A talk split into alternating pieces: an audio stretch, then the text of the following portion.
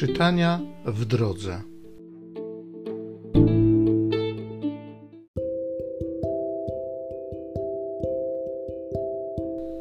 Z Księgi Rodzaju.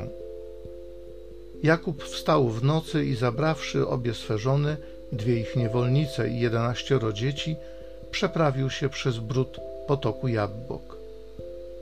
A gdy ich przeprawił przez ten potok, przeniósł również na drugi brzeg to, co posiadał. Gdy zaś Jakub pozostał sam jeden, ktoś zmagał się z nim aż do wschodu jutrzenki, a widząc, że nie może go pokonać, dotknął jego stawu biodrowego i wywichnął Jakubowi ten staw podczas zmagania się z nim. A wreszcie rzekł: Puść mnie, bo już wschodzi zorza.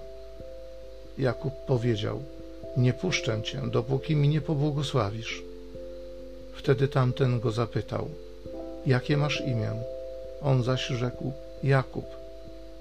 Powiedział: Odtąd nie będziesz się zwał Jakub, lecz Izrael, bo walczyłeś z Bogiem i z ludźmi i zwyciężyłeś. Potem Jakub rzekł: Powiedz mi proszę, jakie jest Twe imię? Ale on odpowiedział: Czemu pytasz mnie o imię? I pobłogosławił go na owym miejscu. Jakub dał temu miejscu nazwę Penuel, mówiąc: Mimo, że widziałem Boga twarzą w twarz, jednak ocaliłem me życie. Słońce już wschodziło, gdy Jakub przechodził przez Penuel, utykając na nogę, gdyż został porażony w staw biodrowy, w ścięgno biodra.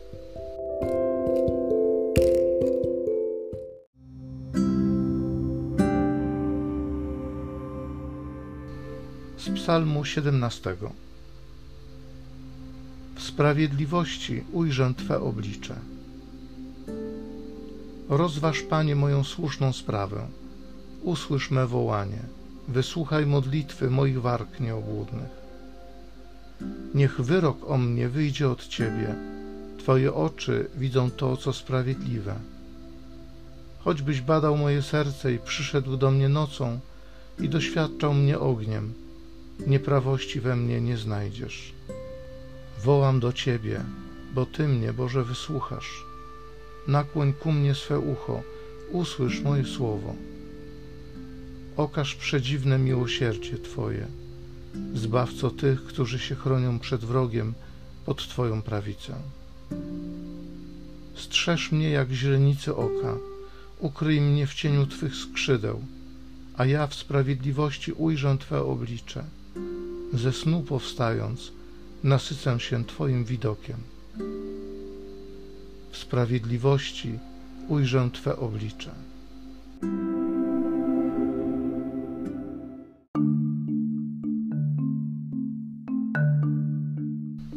Ja jestem dobrym pasterzem i znam owce moje, a moje mnie znają.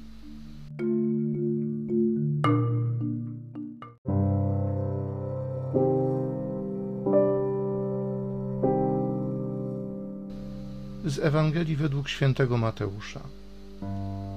Przyprowadzono do Jezusa opętanego niemowę. Po wyrzuceniu złego ducha niemy odzyskał mowę, a tłumy pełne podziwu wołały: Jeszcze się nigdy nic podobnego nie pojawiło w Izraelu. Lecz faryzeusze mówili: Wyrzuca złe duchy mocą ich przywódcy. Tak Jezus obchodził wszystkie miasta i wioski nauczał w tamtejszych synagogach, głosił Ewangelię o Królestwie i leczył wszystkie choroby i wszystkie słabości.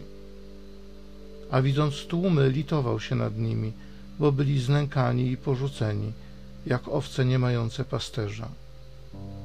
Wtedy rzekł do swych uczniów: Żniwo wprawdzie wielkie, ale robotników mało. Proście Pana żniwa, żeby wyprawił robotników na swoje żniwo.